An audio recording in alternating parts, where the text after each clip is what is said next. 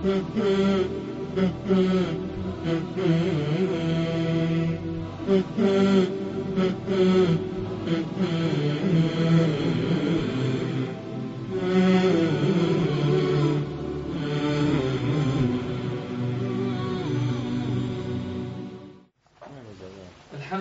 رب العالمين والصلاة والسلام على رسول الله poglavlje uvjeti ispravnosti namaza. Nakon što smo spomenuli nekoliko pitanja vezanih za namaz, propis ostavljanja namaza, propis namaza i tako. Nakon što smo govorili o ezanu koji dolazi prije namaza, počinjemo o uvjetima da bi namaz bio ispravan. Tako zvani šartovi uvjeti da bi namaz bio validan. Prvi uvjet da bi namaz bio validan, znači uvjeti su stvari koje treba da se ispune prije nastupanja namaza. Imaćemo ruknove, temelje namaza, to je nešto što je sastavni dio namaza u namazu. A uvjeti su nešto što treba da se desi prije namaza. Prvi uvjet validnosti namaza jeste nastupanje namaskog vremena. prvi uvjet da bi namaz bio ispravan jeste nastupanje namaskog vremena.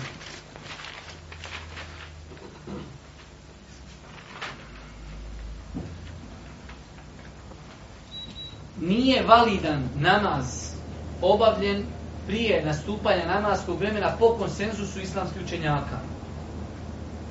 Ovo je lijepo da znate iako se to podrazumiva, ali ja sam bio u arapskom svijetu gdje dođu ljudi i klanjaju sabah posle jacije.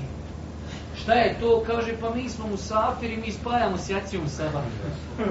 I tu arapskom svijetu i to vraćaju se sa umri. Je sađa. Kaj mi sad sjedemo u autobus i mi ćemo ići do granice sve do sabaha, kaže, i posle tamo mi ne možemo stići klanjati saba, mi ćemo klanjati sad njega spojiti s jacijom. Ili eventualno 11, 12 klanjih saba.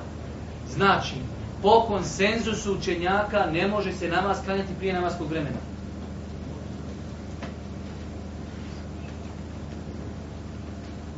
isto tako nije isprava namaz koji se klanja nakon namaskog vremena. Kao što se ne može namaz klanjati prije vremena, ne može i nakon vremena. Allah Đelšanu kaže, doista je namaz vremenski ograničena obaveza. Podne ima svoje namasko vrijeme i kindi ima svoje namasko vrijeme i klanja se od početka do kraja kad imamo vremena.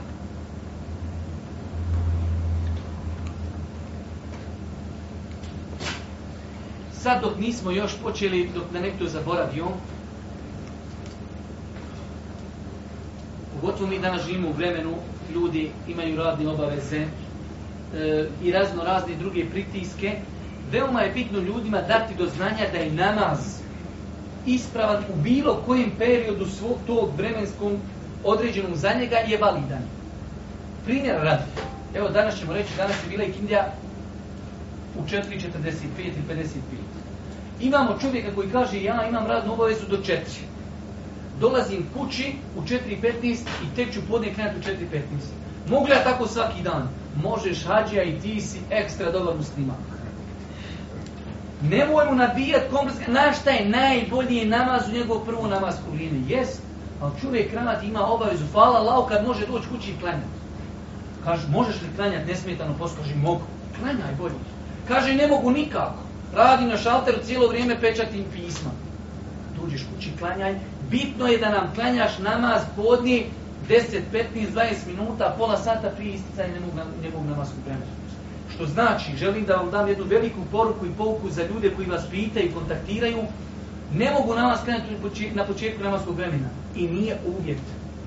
Jest najljepše se namaz klanja odmah, ali Džibril alejhi salatu vesselam kada je Božijem poslaniku došao da mu pojasni namaska vremena, prvi dan je pet namaza mu klanjao na početku namaskog vremena. Drugi dan je klanjao svi pet namaza na kraju, u zadnjoj, bukvalno zadnjoj minuti. I onda kad je to završio pet opet namaza drugi dan, u zadnjem namaskom vremenu, kaže namaska vremena su između ovoga, između početka i kraja, kad možeš klanjati. I zato nemojte ljudima otežavati onda gdje nema potrebe da se otežavaju čovjek kaže ja vozim, ja sam u doktor, ja radim, ne mogu osim da stignem, najbitnije da mu kažeš možeš li klanjati u namaskom vremenu? Mogu. Završeno. Nemojte ljudima otežavati. Boži poslanji kaže, iako ćemo to shvatiti, inšala ispravno, ko stigne jedan rekiat ikindije, klanjati u ikindijskom vremenu. Znate koliko jedan rekiat treba? Dvije minute. On je stigao klanjati ikindiju. Znači, samo stigao rekiat u ikindijskom vremenu. Već ona tri klanju u akšamskom vremenu stiguje klanjati kindiju. Normalno, to ne znači, eh, ekstra. Klanja mi kindiju, jedan reka tri, odmah, Allah, ovdje klanja makšan, spoji mi kindiju, jakšan mi ekstra. Ali da dođeš u opciju, da možeš, da, da se moraš tako ponašati jednom, dva put i tri put, tu mjesec dana ili godišnji, znači da znaš da je to dozvoljeno. Počinjemo sa namaskim vremenima, praktično, jer može se desiti, desiti veoma lako, otišao si na ikman, otišao si na put, kako znati kada koji namasko vrijeme nastupa bez sahata, bez, bez kiblije, bez mobitela, bez nas, znači kako odrijeti, jer ova naša vjera je vjera univerzalna. Kao što je za ljude gore na sjevernom polu, tako je za Arape, tako je za Evropljane, tako je za Bosance, i za ljude na selu, i ljude u gradu, i ljude koji imaju satelitsku antenu i koji nemaju satelitsku antenu. Znači namaz je velika pojava u islamu i vidjet ćete kako je lako odrijediti namaz kao vrijedi namaz. Počinjemo sa podni namazom. Ko zna mi? Zašto islamski učenjaci, kada govori o namaskim vremenima, počinju sa podni namazom, dobit će nakrat. Ali ko promaši? A odgovorio je, ima penale. Ajde, reci, Ađija. Zato što onaj, uh, uh, uh, Zemljan, ali je onaj, naši poznanik sa ovaj sallam od onaj podne e, e, namaza krenuo. Šta je krenuo? Podne namaza krenuo i na hađi? Nije nego onaj da mu tamo e, pokaže namaz da se klanja to. I namaz krenuo da mu... Je li tačno ovo? Gdje ste učio? Mislim sam na... Ono, Dersu. Dersu. Pa mora da smo desu, nismo go čuti na, na, na, na onaj, kak se zove, na vijestima. Vijestima ne kaže, sve baš na desu. Hoćeš od njega zadnjim u pet vernara, kako je, ja sam to pogledao. Yes. Ja sam mislio da neće niko sigurno znati od ovo. Ne, vezi što ti dinu nogu zbog. Sa požuri, ode nam vrijeme, ode nam sad, ode nam sad.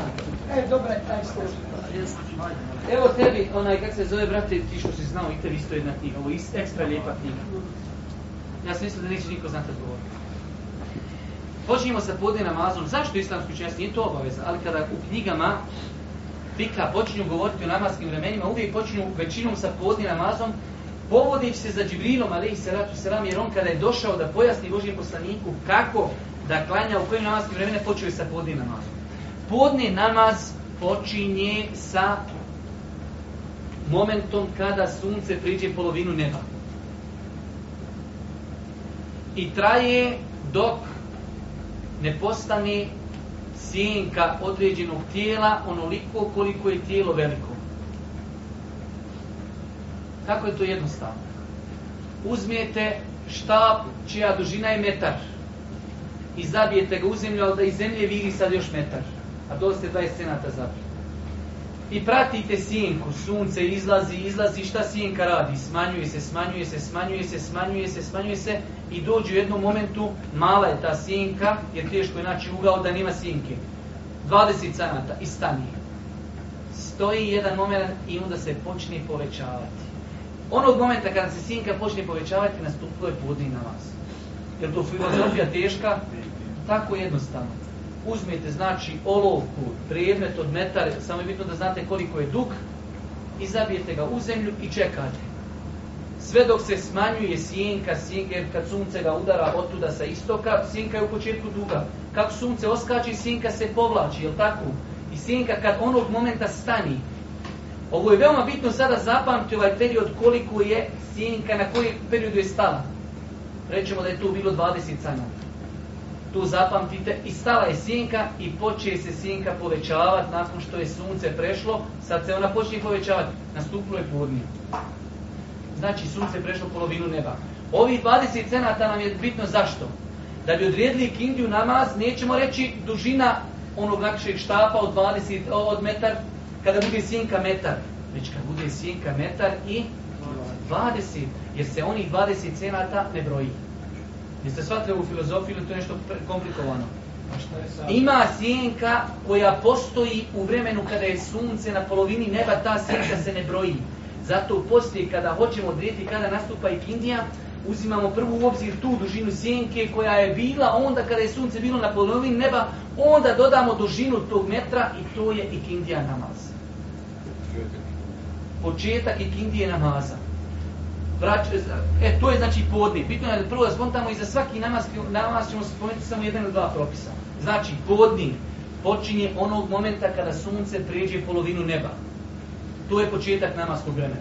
Završaj onog momenta kada sjenka svakog predmeta postane duga kao on, izuzimajući dužinu sjenke koja je bila u periodu kada je sunce bilo na polovinu neba. Jesmo svi to shvatili? Jesmo. Okej. Okay. Što se tiče podne namaza, u osnovi je propisano se klanja u prvom namaskom vremenu, u smislu najveći je seba klanjati u prvom namaskom vremenu. Je li tako? Jest, slobodno recite, jest. Osim u jednoj situaciji. Kada? Kada, govorimo o podne namazu, kada je velika vrućina? Kada su velike vrućine, Allah poslanih kaže, ila ištetel harru, فأبردوا عن الصلاة فإن شدة الحر من فيه جهنم kada su, kaže, velike vrućine, odgodite podni namaz, jer, kaže, zaista je to džehennemski zadah, ta velika vrućina. Tako da se podnje odgodi na jedno pola sata pred ikindiju se klanja i dok su ljudi tu već u džami još sačkaju 10-15 minuta, uši sezan za ikindiju, klanjaju ikindiju i idu kući. To je hadis u Buhari i Muslimu, kako neko neko mislio da valjamo kakve hadise, izmišljaju. Znači, propisano je da se podni namaz klanja u prvom namaskom vremenu, shodno Adisvan, gdje Boži poslanik kaže najbolje dijelo je namaz u njegovom prvom vremenu. Izuzima se i to da podni u velikim vrućinama, kada je ljudima teško otići do, do mešći, da puno je vruće, kada se klanja pred ikindiju na nekim pola sata. To je što se tiče propisa podni namaz. Ikindija namaz nastupa onog momenta kada dužina svakog predmeta, sjenka dužine svakog predmeta bude onoliko koliko je predmet sa sjenkom, ne smijemo je zaboraviti, sa sjenkom koja je bila prisutna u momentu kada je sunce bilo na polovini neba. Nastupla je Kindija. Traje do zalaska sunca. Kada zađe sunce, završila je Kindija. Ovo je general. Ocena ne moguće. Koji? Osvetlo sad. Gdje je centimetar? Nije nemoguće. Ne znam zašto je bilo nemoguće. Evo, Evo kako ono prati, on to prati. Pa, non stop pratiš, jedan dan upratiš i završena stvar, napišeš, ako si danas pratio i imaš sat, vino, razumiješ i napišeš, u 1.15 je počela i sutra do 1.15 nemoj džaba mjeriti čekat, u 1.15 samo dođeš i pogledaš i to je završena stvar. A onaj, ovo govorimo kako bi čovjek trebao da odredi ako nema nikakvih pomagala. i kindila je nastupila, traje do zalaska sunca. I Boži poslanji kaže, ko stigne samo jedan rekiat i kindije prije zalaska sunca, stigu i kindiju. S tim, što nije dobro odgađati i kindiju, da sunce, ono, hajde da kažemo, požuti i da već u njega možeš gledat, da je izgubilo svoju snagu. To je, kako ga zovu učenjaci, vrijeme da ruri. Samo ako imaš neku veliku obavezu, odgoditi. Inače, kindju treba klanjati prije nego što sunce izgubi svoju snagu. Ali, da postoji velika neka potreba, sve dok sunce vidiš nije zašlo za planine, i kindju klanja slobodno.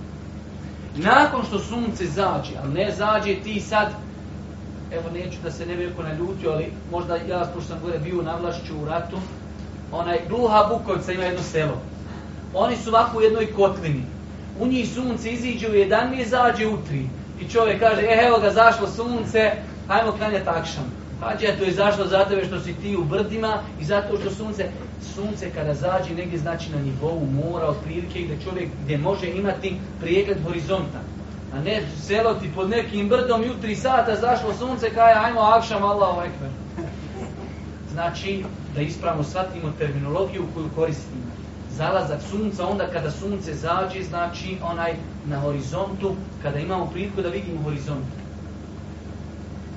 Tada je nastupio akšan. Rekli smo i kintju isto u pohvalu u prvom namaskom vremenu, m, općenito uvijek. Ne treba je odgađati do kraja osim u iznimnim situacijama. Akšan. Džibril Ali Selam kada je Božijeg poslanika učio namaskim vremenima, akšan u oba dana je krenio u prvom namaskom vremenu što je bio razlog da određen broj učenjaka kaže da je tijesno akšamsko vrijeme skroz. Tako da, akšamsko vrijeme nastupa zalaskom sunca i traje dok ne nestane, dok nestane crvenila na mjestu gdje je sunce zašlo. Znači, zapamtiš, tu sunce zalazi i zašlo je nastupa akšan. I tu gledaš, gledaš, gledaš, jednog momenta više ne razlikuje što mjesto i ono tamo. Nestalo je crvenilo. Tog momenta je nastupila jacija. Akšam je pohvalno klanjati u prvom namaskom vremenu zato što je njegovo namasko vrijeme, znači, kratko.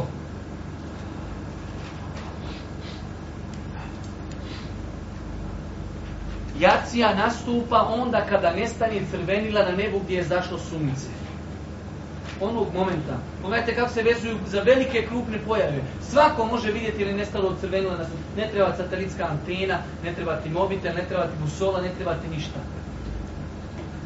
Nestalo crvenila na suncu, možeš krenuti akciju. Nestalo crvenila sunca na horizontu. I traje do polovine noći, po ispravnom mišljenju. Ima više mišljenja dokada traje akcija, Allah najbolje zna najjače mišljenje, ono mišljenje na koje ukazuju dokazi jeste da do polovine noći se može klanjati jaciju. Jaciju je pohvalno ako ne predstavlja problem džematu odgoditi do pred, pred kraj namaskog vremena. Boži poslanik kaže jedne prilike kada je okasnio dobro sa jacijom pa mu došao Omer, hadis opet u Buhari muslimu, kaže Allahu poslaniće, žene su već i djeca ošli spavat, mi evo u džami sjedimo, čekamo, kaže Boži poslanik leula en ashuqa ala ummati la martum bi salati hadi sa da se ne bojim da ću otežati svom ummetu ja bih naredio da jaciju sad kranjaju oko polovini noći znači jaciju je pohvalno odgoditi ali ako to ne predstavlja poteškoću Ako predstavlja poteškoću, dok nastupi jacijsko vrijeme, može se klanjati, odnosno, shodno džematu. Boži poslanik, kao što je došlo u Jerusalem, kaže, kada bi vidio da su se rano okupili, klanjao bi sa njima rano jaciju kada bi vidio da oni kasni sači ko bi znači da se ljudi okupi džemat pa makar i okasni do pola noći nakon toga bi klanjali jaciju to je jacija namaz znači nastupa i počinje sa zalaskom crvenila na horizontu traje do polovine noći e polovina noći je tu 12 sati kako nije to je po 12 sati nije uvijek nije uvijek Polovina noći se određuje tako što ćemo zalazak sunca uzeti i pojavu zori. A ima mišljenje i pojava izlazak sunca uzeti taj period i popoloviti ga. Pa primjera radi, kada bi rekli da sunce zalazi u 6 sati, na veći 18, a izlazi pojava zore i zajtra u 4, kada će biti polovina noći? U 11. Znači, popolavljamo period kada je sunce zašlo i kada se pojavljuje zora, iako po meni je veoma jako mišljenje da se gleda kada sunce iziđe. Ali eto, u svakom slučaju, po ovom je malo onaj predostrožniji. Znači, period u vremenu kada je zašlo sunce, do pojave zore se popolovi i to je polovina noći. Riješili smo jaciju. Znači, rekli smo kada nastaje, kada završava, kada je najbolje klanjati. Najbolje klanjati pred kraj namaskog vremena, ako to ne predstavlja poteškoću. Isto tako, neće čovjek kazati, ja ja bi da upraktikujem sunet, pa neću ići u džemat koji počinje klanjati odmah nakon, nakon što se kod nas praksa, ja už da upraktikujem sunet. Ne. Pošto je namaz u džematu vađim, onda ćeš dati, to mi je prednost. Ali kada bi se džemat dogovorio, pa kažu sutra ćemo klanjati jaciju odvođeno, tada ćeš klanjati sa njima. Jeste li me shvatili ovu bitnu stvar? Znači, neće čovjek zbog sunneta da bi uprakticirao kašnjenje jaci reč, ja neću ići u džemat. Ali da se desi da iz određenog opravdanog razloga prespavao, bio bolestan ili, ili, prošla ga je jacija u džematu. Onda i u, u, u njegovom pogledu je lijepo ako može da odgodi jaciju do pred kraj namaskog vremena. Nadam se da smo shvatili ovo pitanje. Ostaje nam još šta? Sabah namaz. Sabah namaz počinje kada? Sa pojavom zori. Šta je pojava zori? Pojava zore je pojavljivanje zore uzdužno na horizontu. Ne vertikalno. Uzdužno. Jer ima tenšće što se zove lažna zora koja se možda sad vremena prije pojavi pravi zove pojavi uzdužno, ne, o, e, vertikalno. Mi tražimo da počne da se pojavljuje uzdužno i da svakog momenta se više jača i jača. Razlika između pravi i lažne zore su dvije. Što je ova vertikalna lažna i ona bude, pojača se i nestani. A prava zora za koju se vezuju svi propisi u šerijatu od kojih je i sabah namaz, jeste da je uzdužna po vrhovima brda, znači uzdužno i ona se iz momenta u momenta pojača. Nema prekida.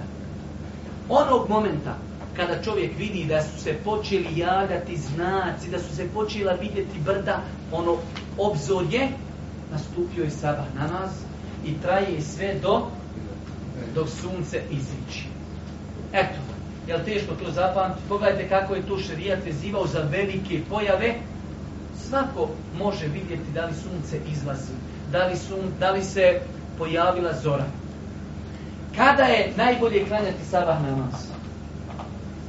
Najbolje ga je klanjati u početku namaskog vremena kada smo sigurni da je sabah nastupio. Jeste shvatili ovo što sam rekao? Sabah namaz je najbolje klanjati u tami. Jer Boži poslanik, kao što je došlo u hadisu Buhari i muslima, kaže kane yusalli bil gales. Čak imaju i vajti u Abuhari Usnu, kaže, pa bi žene koji su klanjale saba, klanjale i otišle i kući, niko ih nije mogao zbog mraka u kojim se klanjao saba, niko ih nije mogao prepoznati ko je i šta je. Znači, sumnet je da se klanja saba namaz u početku namaskog vremena, ali pod uvjetom da si siguran da je saba nastupio. Zadnja opcija kada se može klanjati saba namaz jeste prije izlaska sunca. Po našem hanefijskom mezhebu, znači, imaju hadisi Esfiru bil feđri fe innehu a'zamu lil eđr Bukvalno prevedeno kao odgodite sabah namaz jer je veća nagrada u tome. Hadisi malo prije koji smo citirali po kojima radi ostali mezhebi koji kažu da se sabah namaz treba klanjati ranije su jasniji. Ovaj hadis, ovaj riječ ovdje Esfiru bil feđri je dvosmislenog smisla na arapskom jeziku. Ja vama moram prevesti ovako pa vam kazati odgodite namaz. Ali nije on došao odgodite namaz. On je došao u jednom drugom terminu. Dok ovi hadisi u kojima stoji znači da je Boži poslanik klanjao na početku toliko da je bio mrak da ljudi nisu mogli raspoznat ko do njega klanjao. Da su se žene znale vratiti, niko i nije mogao prepoznati. Oni su jasni da je Boži poslanik klanjao u ranu. Kako ovaj hadis ispravno shvatiti? Prvo, nema smetnje uopće da se klanja, znači ovako koji se klanja kod nas u džamijama, jer je tu rekli smo namasko vrijeme, kad god se klanja, alhamdulillah, hajim. Pogotovo koji je pitanju džemat, mi treba da idemo u džemat kad džemat klanja. Ali kako ispravno shvatiti ovaj hadis? Inša Allah, ispravno je satan je da je pohvalno su, e, u sabah namazu dugo učiti. Pa je to ciljao Boži poslanik da kaže odgodite sabah namaz, u smislu odgodite ga dugo učeći, Kaže, zaista je to veća nagrada, znači zaista je veća nagrada da, bu, da dugo učite na sabah namazu. Znači, kada vidite tamo koliko je dugo Boži poslanik kanja je sabah namaz, znači koliko ajeta je učio, čovjek se ponekada i iznena. To su, braćo moja draga, namaska vremena i rekli smo, ne trebamo ljudima otežavati vjeru. Sve dok čovjek kaže, ja mogu klanjati u ovom namaskom vremenu, njemu kažem, Allah ti olakšu i samo bismillah. Rekli smo, znači imamo izuzetak u pogledu podne namaza, svi namazi u osnovi, zapamte pravilo, svi namazi najbolje je klanjati na početku. Osim šta? Podne, kada je velika vrućina, i osim jacije, ako to odgovara džemata. Što se tiče namazke vremena, inša Allah, završili smo. Idemo dalje. O čemu smo do sad govorili, ko će mi reći? Uvjetno namaz prvi uvjet je bio nastupanje namaskog vremena. Pa smo govorili o prijet namaskog vremena. Drugi uvjet pokrivanje stidnih mjesta u namazu. Znači, govorili smo o prvom uvjetu, pa smo spomenuli da je namaz vremenski ograničena obaveza, da ima svoj početak, ima svoj kraj. Kao što ga ne smijemo krenuti prije vremena, ne smijemo ga odgoditi nakon namaskog vremena i spomenuli smo kada je početak, kada je kraj namaskog vremena kada god čovjek može da klanja dok je u granici između početka i kraja, on je u hajru. Nakon toga drugi uvjet za validnost namaza jeste pokrivanje stidnih mjesta. Malo prije smo o tome govorili, jednako odgovarajući na pitanje i odgovore, muškarac minimalno što bi trebao pod obaveznu, obaveznu, veliku obavez da pokrije namazu jeste od kuka do ispod koljina to je ono, ajde da kažemo, neko ko je siromašan, ko nema druge odjeće u nekoj iznimnoj situaciji, negdje odšao možda na bazin da se kupa ili nešto slično tome. A u osnovi čovjek treba da se lijepo obuče prilikom obavljanja namaza, a to lijepo svakako obuhvata da obuče nešto gore na ramena, da li će to biti majica, košulja, sako ili nešto drugo. Ali minimalno, minimalno za validnost namaza jeste od kupka do ispod koljiva ali smo rekli, to je za muškarca, ali smo rekli da je svakako pohvalno da čovjek shodno onom kuranskom ajetu kudu zinetekum inda kulli mesjidin kada god idete u džami obavljati namaz, lijepo se obucite. Svakako da nije plavo lijepo, zamisli sada ti dođeš na teraviju i ti u kupačenom šorcu.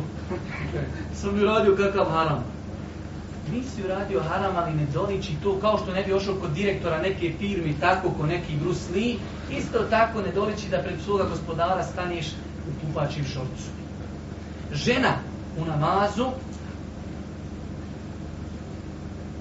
ima ovdje malo ulema koja, znači ovdje se pitanje vraća da li žena je obavezna nositi nikab ili ne samim tim da li ima muškaraca kod nje kada klanja ili ne, ali generalno ono što smo učili nekad u Mektevu, jeste žena sve treba pokriti u namazu, osim šaka, lica, ali ovaj dio lica, pazite, ne ovako kako naše sestre nose mahramu, ovaj dio donji koji se zove podbradak, onaj se ne bi odbradi, onaj, ovo je dole obavezno pokriti. Tako da mahrama žene treba da bude ovda, ovako, kako to nose naše nekad sestre iz Turske. Ali oni malo zbiljniji, oni što nose crni mahrama, oni što nose šareni, što su to afrikanke, to je druga priča. Znači, žena treba da pokrije, odnosno može otkriti ono što se perije prilikom abdesta. A ovo dole treba pokriti. To je ispravno pokrivanje žene koja ne nosi nikak. Da ovako mahramu nosi da se ovdje mahrama završaje i da se ovaj dio dole ne vidi. Znači, žena može u namazu otkriti šake, ne šaka da ju bude šaka ko u nekog ninja konjači do ovdje da je šaka. Šaka do ovdje. Nije nikakav bokser, da nije nikakav karataš, nije do ovdje šaka, već do ovdje. Da otkrije lice ovako kako smo pokazali, da pokrije podbradak, bradak, i po određenom broju učenjaka može otkriti stopala, iako je svakako bolje stopala pokriti. To je ono što žena može otkriti na masu. Iako u svemu ovome nekako ima malo, znači ako određen broj učenjaka kaže da je ženi u osnovi nos obavezan nikav, i oni kažu ako žena klenja pred muškarcima, treba nikav imati na licu. Ali, ne ulazeći u te detalje, znači žena u namazu može otkriti, naročito ako klanja u ženskom dijelu mjesečida ili sama kod kući, može otkriti šake, ali šakim samo šake, lice i stopala po određenom mišljenju učenjaka. Jer ne postoji jav dokaz da žena mora pokriti stopala u namazu. Tu je, braću moja draga, što se tiče stidnih dijelova tijela. Treći uvjet ispravnosti namaza, rekli smo prvi nastupanje namazskog vremena, drugi pokrivanje avreta stidnih dijelova tijela. Treći jeste udaljavanje od nečistoći. I ono što smo nekad isto učili, ja se dobro sjećam kad sam bio mal, očistiti tijelo, odijelo i mjesto klanjanja. Tako je bilo u starim tim našim, takvi, oni, kako se zove, ili Mihalma napisao. Očistiti tijelo, odijelo i mjesto gdje će se klanjati. Znači da čovjek od uvjeta namaza je da očisti tijelo, svoje tijelo, svoje odijelo, nekom šino, sebe, svoje tijelo i svoje dijelo i mjesto gdje će klanjati to je od uvjeta, a govorili smo prošli put, prošli nedjelje, šta je to nečistoća u šerijatu, tako da nekad ako čovjek dođe u situaciju da je na građevini, beton nije nečist, prašina nije nečista, zemlja nije nečista, izmet domaćih životinja čije mjesto je jestivo nije nečist po šerijatu i tako dalje. Veoma nam je bitno znati šta je čisto, šta je nečisto. Ono što smo spomenuli da je nečisto, treba čuvati svoju odjeću, svoje tijelo i mjesto gdje ćemo klanjati od nečistoćija nekoliko kratkih pitanja vezana za ovu tematiku. Šta uraditi u slučaju kada čovjek nakon što je predao selam vidi da na svome tijelu ili u dijelu ima nečistoću? Pa smo rekli, čovjekov namaz je ispravan, makar i znao prije toga za tu nečistoću, ali je zaboravio. Ovo je, vjerujte da veoma često ljudi ovo pitanje postavljaju. Znači, ako se desi da čovjek klanja, pa će skloni nogu u sapnu gdje Allah te nagradio. Znači, ako se desi da čovjek nakon namaza, ako ga šeki u toku namaza ne posjeti, ako se sjeti nakon namaza, jer dođe on njemu, njemu on fino prije se lama, kaj znaš da imaš maranicu ugača. Ako znači se desi da se sjeti nečistoće ili je vidi nakon predaj se lama, njegov namaz ispravi ne treba ponavljati. To je opcija nakon selama. Ako se desi da vidi nečistoću ili da je se sjeti u toku namaza, rekli smo da postoji dvije opcije. Ima opcija da može tu nečistoću uklonuti, ali da i dalje bude pokriveno, znači tijelo koje treba da bude pokriveno namaz. Pa primjer radi, čovjek ima majicu, ispod nje ima potpušnju. I sjeti se u toku namaza na drugom rekeatu, podnije namaza, da mu je se braco opiškio pod resu on pinu namazu, samo tako dođe, baci ga i nastavi klanjati. Kao što je uradio Boži poslanik Ali Seratu Selam, kada mu je Džibrin kazao da ima nečistoće na papućama. Skinuo je papuće, nije ponavljao namaz. I mi iz toga uzimamo da je namaz validan, ali treba nečistoću ponuditi. Ako bi se desila druga opcija, da čovjek je se sjetio nečistoće, ali ta nečistoća je negdje gdje on to ne može riješiti u namazu, rećemo na donjem vešu. Tada će čovjek prekinuti namaz, otići skloniti znači nečistoću ili oprati ili skinuti odjeću i početi iz početka na nas. Sve jasno? Hajde ponovi. Malo tebe safata, obacate, ali nema vezi. Yes, Šta ako može ukloniti? Komšinicu uklon s puta stoji tamo vode. Ima nečistoću na ovdje. Aha. Mogućem da odpira, ali ima košina, ima ispod potrošnju. Dobro. Da to uraditi. To je znači jedna situacija. Druga situacija ako ima nečistoću na dijelu tijela gdje ne može u toku namaza to ukloniti. Tada će šta uraditi? Prekniti namaz, ukloniti nečistoću i početi ponovno klanjati. Dobro, to je bilo znači treći uvjet namaza, a to je uklanjanje nečistoće sa ova tri spomenuta e, stvari, znači sa odjeći, sa tijela i sa mjesta gdje klanjamo. Ovdje kada govorimo ne, ja vezi idemo dalje. Četvrti uvjet, okretanje prema kibli. Da bi namaz bio validan čovjek treba da se okrene u pravcu kibli. Da bi namaz pište, da bi namaz bio validan čovjek treba da se okrene prema kibli. Mnogo je dokaza, Allah Đošanu kaže Božim poslaniku, فَوَلِّ وَجْهَكَ شَطْرَ الْمَسْجِدِ الْحَرَامِ Okreni svoje lice u pravcu harema u Mekke. U hadisu poznatom Buhari muslim Boži poslanik onom čovjeku koji je brzo klanjao pa kada je nakon tri puta što je ga vratio neispravno klanjao, kaže Allah poslanik će poduči me kako ispravno da klanja. On kaže Allah poslanik kada ustaneš da klanjaš namaz okreni se prema kibli a zatim donesi početni tekbir. Iz ovog hadisa i mnogih drugih ajeta znači ona i argumenta uzimamo da je okretanje prema kibli uvjet.